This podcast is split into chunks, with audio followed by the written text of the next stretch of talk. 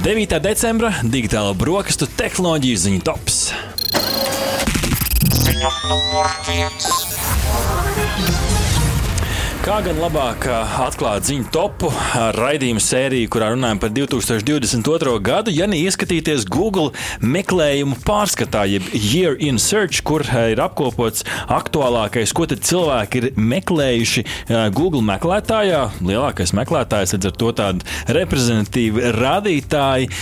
Un šoreiz tieši Latvija, Latvijas konteksts, interesanti, ka ir šie dati arī mums pieejami. Tad balstoties uz Latvijā veiktiem Google meklējumiem, var secināt, ka pandēmija vēl aizvien ir iedzīvotāju redzes lokā, taču esot tie uzsveri nedaudz citādāk. Tad, tad mainījušās lietas, ko par Covid-19 meklē, certifikāti un vakcinācijas iespējas. Tas otrais pavisam noteikti iepriecina, tad cilvēki mēģina sevi arī pasargāt. Savukārt, savukārt šī ģeopolitiskā situācija krasi palielinājusi ir Latvijas iedzīvotāju interesi par Ukrainu, ierindojot to meklējumos tieši otrajā vietā aiz pandēmijas. Jā, Google ikgadēji Pēdējais apkopojums lielā mērā atspoguļo tēmas, norises un aktualitātes, kas ir nonākušas sabiedrības redzeslokā un pelnījušas tās uzmanību.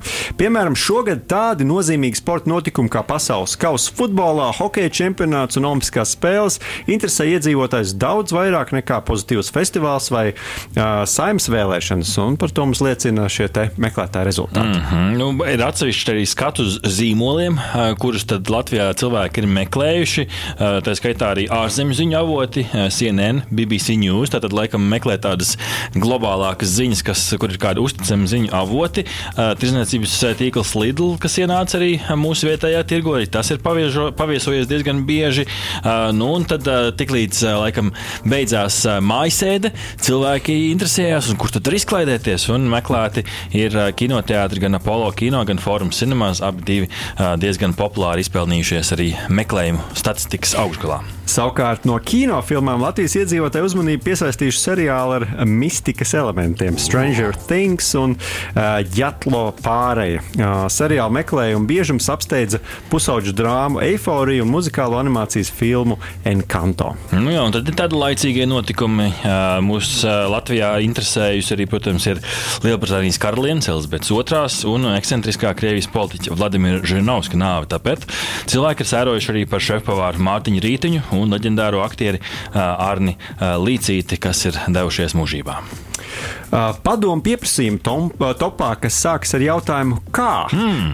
Līderpozīcijā izvirzījies jautājums par pieteikšanos malkas, kā arī apkuras pabalstam. Kas nenoliedzami ne? tieši tā lielai daļai iedzīvotāji ir viens no aktuālajiem jautājumiem šogad. Arī man. Tāpat cilvēki jau ierasti interesējas par veselības tēmām, meklējot informāciju, kā pieteikties uz covid testu, ārstēt koronavīrusu, samazināt holesterīnu vai iesniegt slimības lapu elektroniski. Turklāt šogad aktuāls bija jautājums arī, kā balsot saimnes vēlēšanās. Numur divi. Uzņēmums Rīgas satiksme konkursā esot izaudzījušies jauno elektroautobusu piegādātāju, kas būs Polijas Solaris Bus and Coach, kas šis te, šī te iepirkuma rezultāti paredz 35 jaunu elektroautobusu un rezerves daļu piegādi. Tur vēl kādi 17 plānos, tad kopumā nu varētu nākotnē būt 52 jauni tieši elektroautobusi autobusi.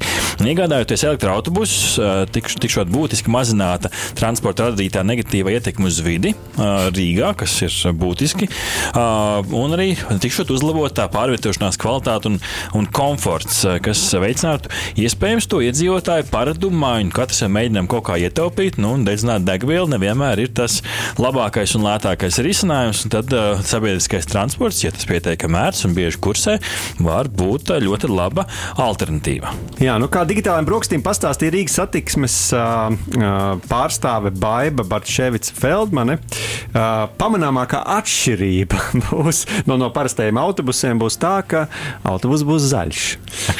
Tādējādi simbolizējot vidē draudzīgu transporta līdzekli. Protams, ka būs arī vēl citas tehnoloģija izmaiņas, nu tā tad uh, gaitas īpašības, autobus būs klusāks, dinamiskāks, uh, vadītājiem ergonomiskāk un pārdomātāk darba vieta, bet uh, skaidrs, ka nu, visvairāk vairāk tās pārmaiņas izjutīsim nu, ne tik daudz mēs, cik tās izjutīs Rīgas satiksmes darbinieki. O, jā, kā viņi spiedīs grīdā tas autobusus. tas, tas noteikti ir viens, bet otrs, otrs jautājums ir par to tehnoloģisko pusi, jo šie būs pirmie elektroautobusi Rīgas satiksmes flotē. Tad jau mēs daudz biežāk redzēsim kaut kur pie daudzdzīvokļu mājām, kādu autobusu nopirkot, pagarinātā izmest ārā vai ne? Kur tad lādēs? Tāds ir jautājums, bet to mēs varbūt nākotnē arī noskaidrosim. Ziņa numur 3. Radiofrekvenču pārvaldītājs Latvijā valsts akciju sabiedrība elektroniskie sakari pievērš uh, uzmanību un aicina Latvijas iedzīvotājus, tīpaši tagad uz Ziemassvētkiem, kad ir liels elektropreču, varbūt uh, iepirkšanas bums, uh, izvēlēties iekārtas kā rācijas, bezvadu video novērošanas sistēmas un citas bezvadu ierīces, pārliecinoties par to atbilstību Latvijas normatīviem aktiem un vispār sistēmām, kas Latvijā, kuras būtu vēlams Latvijā arī darbināt. Jo neatbilstoši radio iekārtu lietošana varot izraisīt kaitīgus radiotraucējumus radiosakaru sistēmām, nu, kas tādā praktiskā līmenī nozīmē, ka var būt apgrūtināta, piemēram, saziņa ar veselībai un dzīvībai eh, svarīgiem dienestiem, kuri izmanto daudz šīs te, uh, frekvenču joslas. Nu, tad uh, konkrēti jautājums, nu, kā to izdarīt praktiskā līmenī? Nu, man šķiet, ka tāds universālais veids, kā to pārbaudīt, ir vai uz šīs iekārtas ir CE marķējums. CE marķējums nozīmē, ka šī iekārta atbilst Eiropas Savienības tirgus prasībām. Tātad, ja ir CE marķējums, legāls marķējums virsū, tas nozīmē, ka šī iekārta ir derīga Eiropas tirgumam. Tas ir punkts numur viens, un tad tur ir tāda sarežģītāka otrā, otrais solis, tāds Declaration of Conformity, jeb pievienot tā atbilstības deklarācija, kas apliecina tās atbilstību. Nu, te, šis jau ir pārāk sarežģīti, lai izskaidrotu vienkārši par radio. Sāciet ar CE marķējumu, un ja nu kas tad ir šī otrā, um, otrā pazīme pazīme, ko jūs noteikti varat atrast elektronisko sakaru jau šajā mājaslapā, un, un pie ziņām varat izlasīt, kura konkrētā direktīva ir tā vajadzīga. Mm, bet nu, kopumā, kur tā problēma rodas? Tā pro problēma, Rihard, rodas tajā, ka globalizācija mums ir daudz vieglāk pasūtīt produktu, kas ir ražots otrā pasaules malā. Tam iespējams nav šis marķējums, un tajā brīdī nu, Kā jau viss šajā laikā mēģinām ietaupīt, meklējam lētāko iespējamo risinājumu, un tad vienā brīdī mēs pasūtām iespējams iekārtu, kas var sākt traucēt uh, vietējo radiofrekvencēs esošo iekārtu darbību, jo vienkārši citā vietā izmantot citas joslas, citas frekvences. Tev, Rihard, ir sanācis uzķerties uz šādām lētajām iekārtām?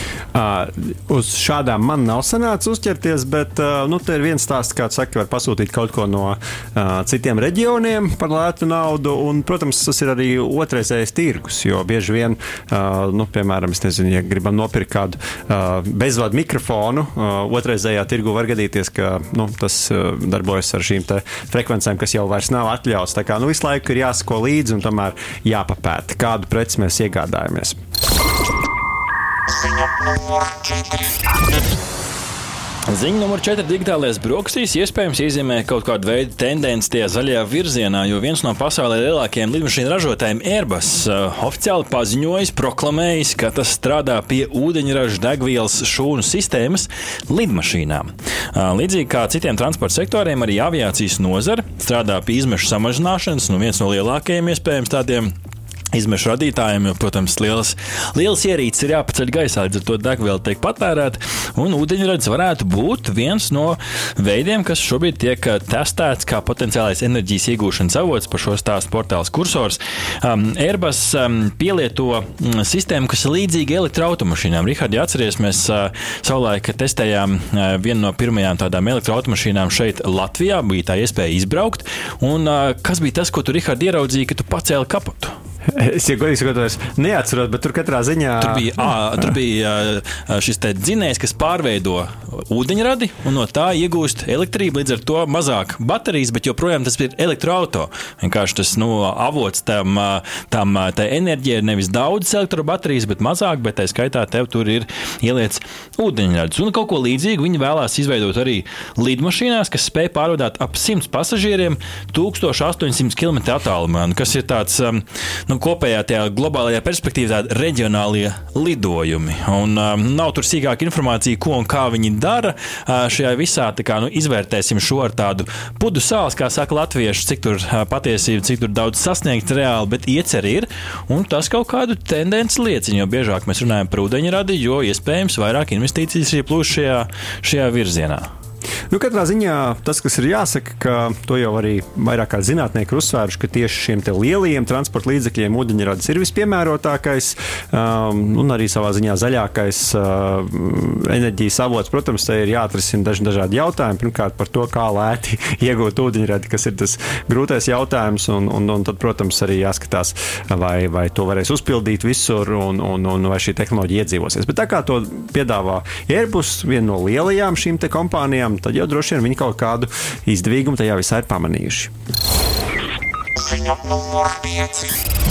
Un pēdējais viņa digitālais brokastīs no tehnoloģiju uzņēmuma Apple, kas Eiropā beidzot ir palaidis ierīču remontēšanas programmu, kas vienkāršā valodā nozīmē to, ka uh, patērētāji varēs paši labot iPhone vietā ruņus un MacBook portīvos dators. Protams, ja jūs to mākat darīt, tas nav tik vienkārši.